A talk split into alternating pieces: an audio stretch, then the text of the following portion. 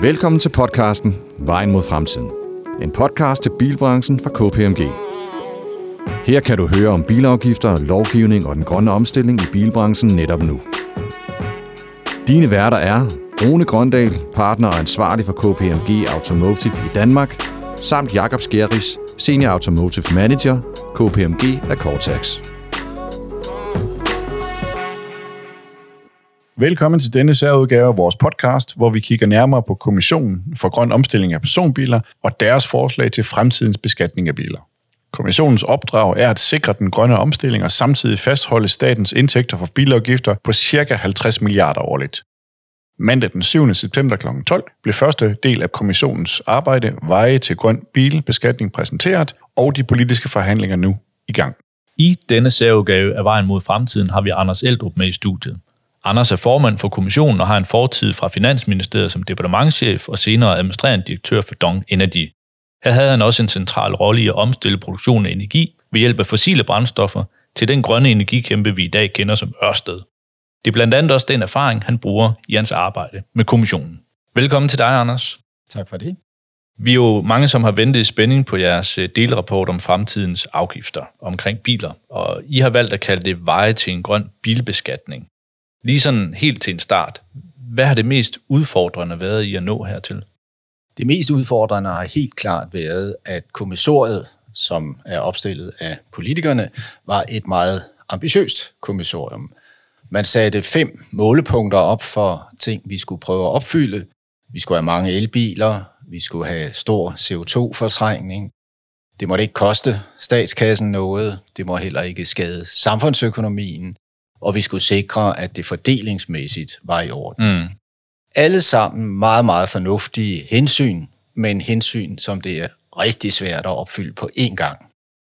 Nu er der jo mange i bilbranchen, der har ønsket sig en teknisk baseret afgift, for ligesom at, at få den her, få noget mindre spekulation øh, ind og mere fokus på bilens miljømæssige egenskaber.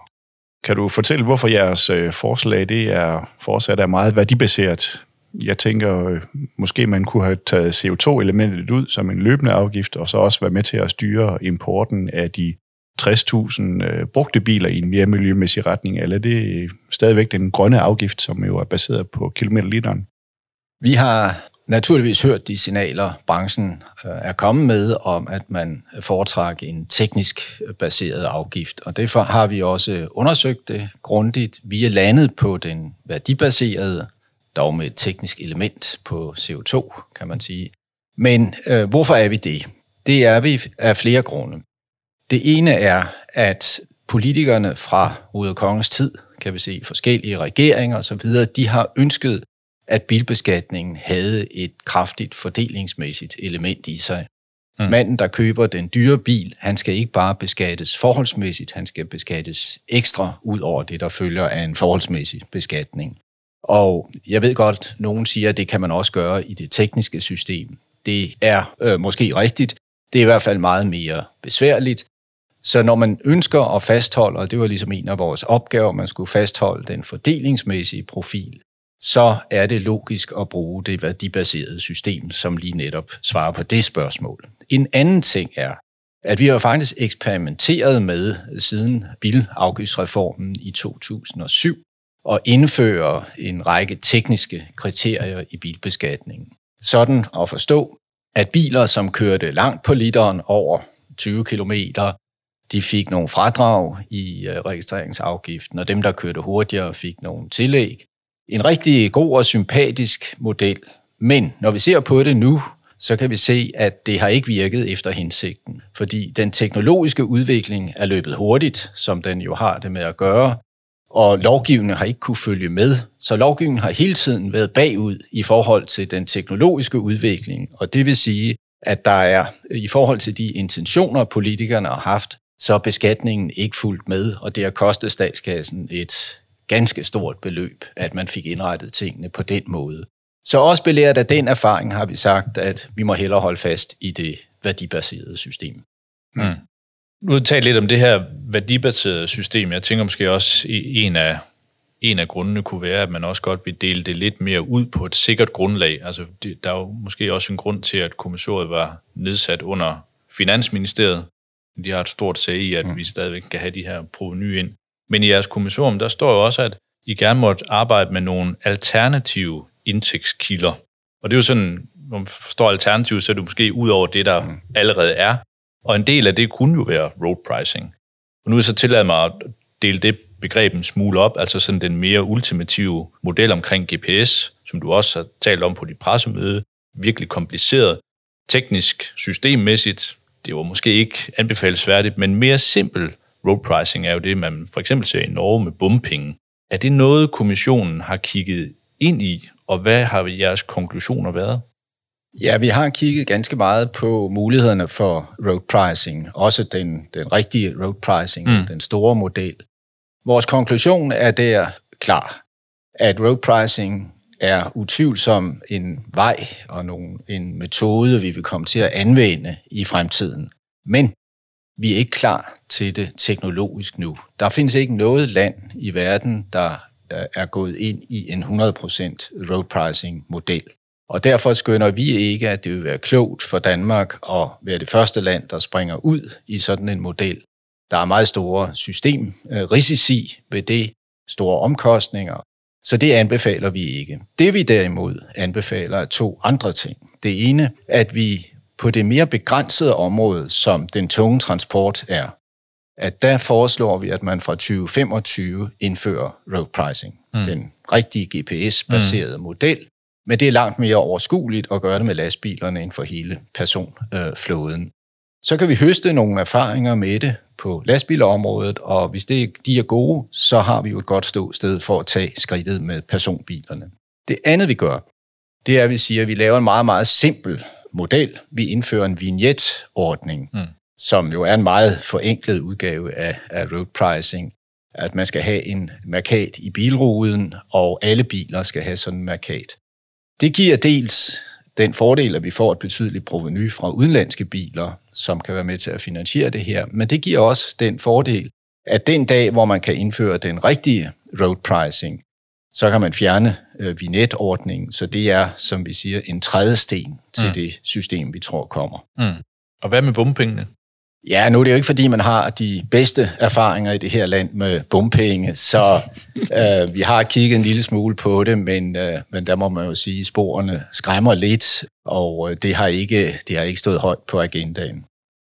Nu fokuserer jeres delrapport jo meget på, øh, på de nye biler. Men hvad tænker du om de ældste og mest forurenende biler i bilparken? Har I kigget lidt på de miljømæssige og økonomiske konsekvenser af for eksempel den der skrotpræmie, som man tidligere havde på, på de 5.000 kroner? Du har ret i, at når vi skal reducere CO2, så er øh, en vigtig nøgle, det er jo at få nogle af de gamle biler ud af flåden. Vi har ikke øh, udarbejdet et egentligt forslag om skrotning. Det kunne vi have gjort, andre lande er gået den vej. Vi er gået den anden vej og sagt øh, at bruge gulderådet i stedet for at sige, at vi vil godt tilskynde folk til at købe elbiler. Derfor har vi opfundet eller udviklet en model, som siger, at hvis man køber elbil i 2021, altså næste år, så får du hvert år de følgende 10 år x tusind kroner. Så du får penge for at købe en elbil. Så det er en guldråd til at lokke med. Hvis du køber den året efter, så får du de, det beløb ikke i 10 år, men i 9 år, og så fremdeles. Så det falder væk i 2030. Så det er en anden måde at gå til problemet på, hvor vi prøver at lokke folk, tilskynde folk til at købe elbil, frem for at tage de gamle biler ud. Mm. Mm. I deler jo jeres man kan sige, rapporter, anbefalinger, nogen vil kalde det strategi, ind i, i fire afgiftsmodeller her. Og øhm, en af modellerne, den arbejder med en ambition om 750.000 biler i 2030, der sådan er miljøvenlige eller lavemissionsbiler.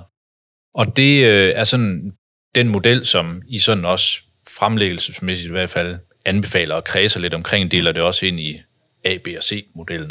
Men hvilken rolle spiller for eksempel sådan noget som firmabilsbeskatning i at opnå sådan en målsætning? Altså lige nu, der har vi jo nogle lempelser på miljøvenlige biler, som så rent faktisk udløber her ved, ved årsskiftet. Er noget, jeg har arbejdet med også i jeres arbejde her?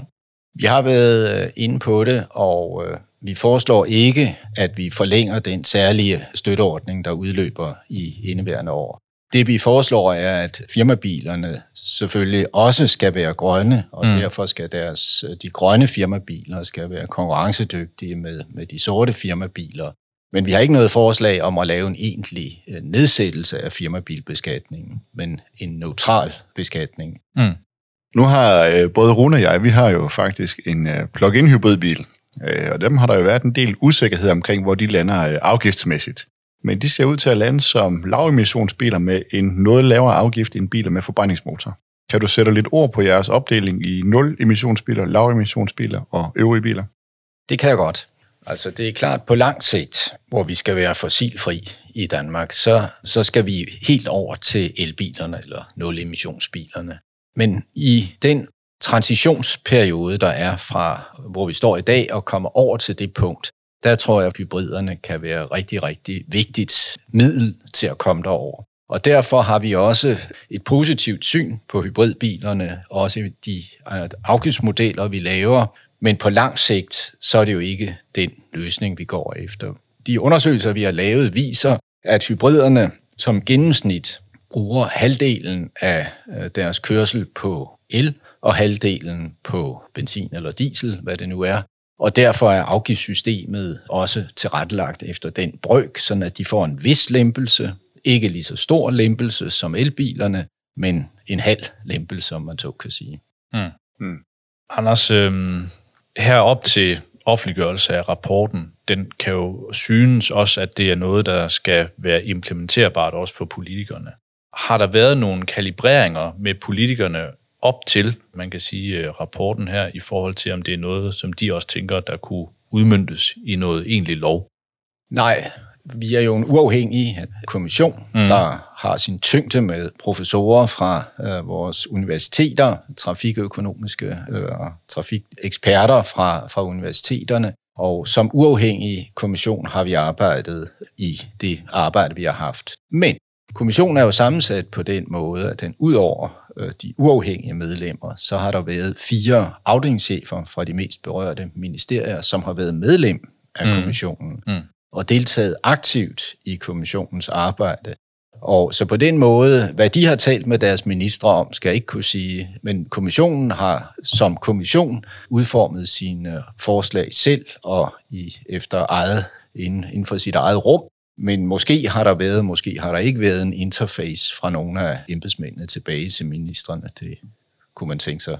Ja, det, det var et meget godt politisk korrekt svar. det her, det var første del af jeres arbejde.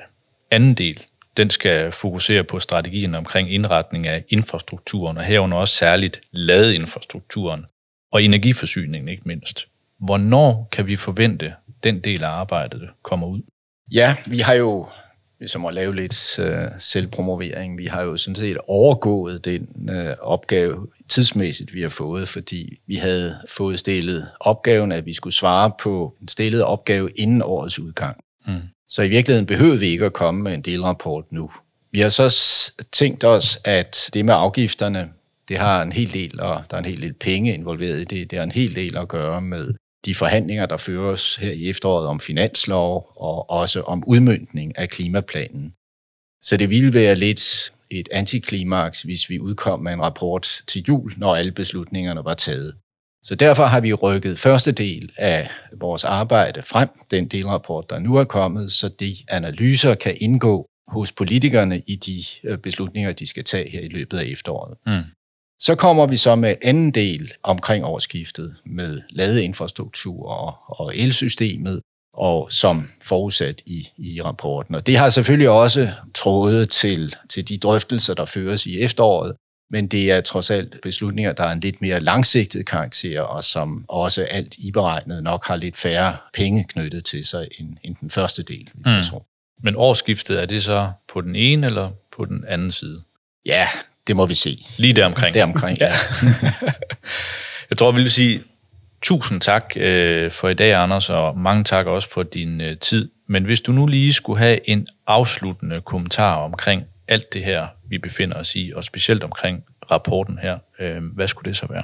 Så skulle det være, at nu har vi lagt en række analyser frem og en række modeller, stilleskruer, man kan selv eksperimentere lidt med, hvordan de forskellige ting virker, og et hav af tabeller og beregninger osv. Alt det er jo vigtigt. Mm. Men der er to ting, der er endnu vigtigere, tror jeg. Det er vigtigt, at politikerne kommer med en hurtig afklaring af hensyn til branchen, også af hensyn til forbrugerne, mm. fordi sådan en rapport har det jo med at skabe usikkerhed. Det er det ene. Det andet er, at det er vigtigt, hvis det er muligt, at det bliver en bredt funderet politisk aftale, fordi det vi lægger frem, det er jo nogle sigtelinjer, som skal gælde de kommende 10 år på tværs af formentlig flere folketingsvalg. Og ja. det er utrolig vigtigt for branchen, for forbrugerne, at man kan regne med det, der nu bliver besluttet. Det gælder med sikkert nogle korrektioner, men i alt væsentligt de linjer, der bliver lagt ud, dem kan man regne med. Så en hurtig aftale og en bred aftale, det er meget, meget vigtigt. Ja. Det tror jeg, vi er meget enige i. Mm. Ja, det, øh, det er vi klar på. Tak. Tak fordi du lyttede til podcasten Vejen mod fremtiden fra KPMG. Dine værter var Rune Grøndal og Jakob Skjerris. Podcasten udkommer hver anden torsdag. Læs mere om podcasten på kpmg.dk.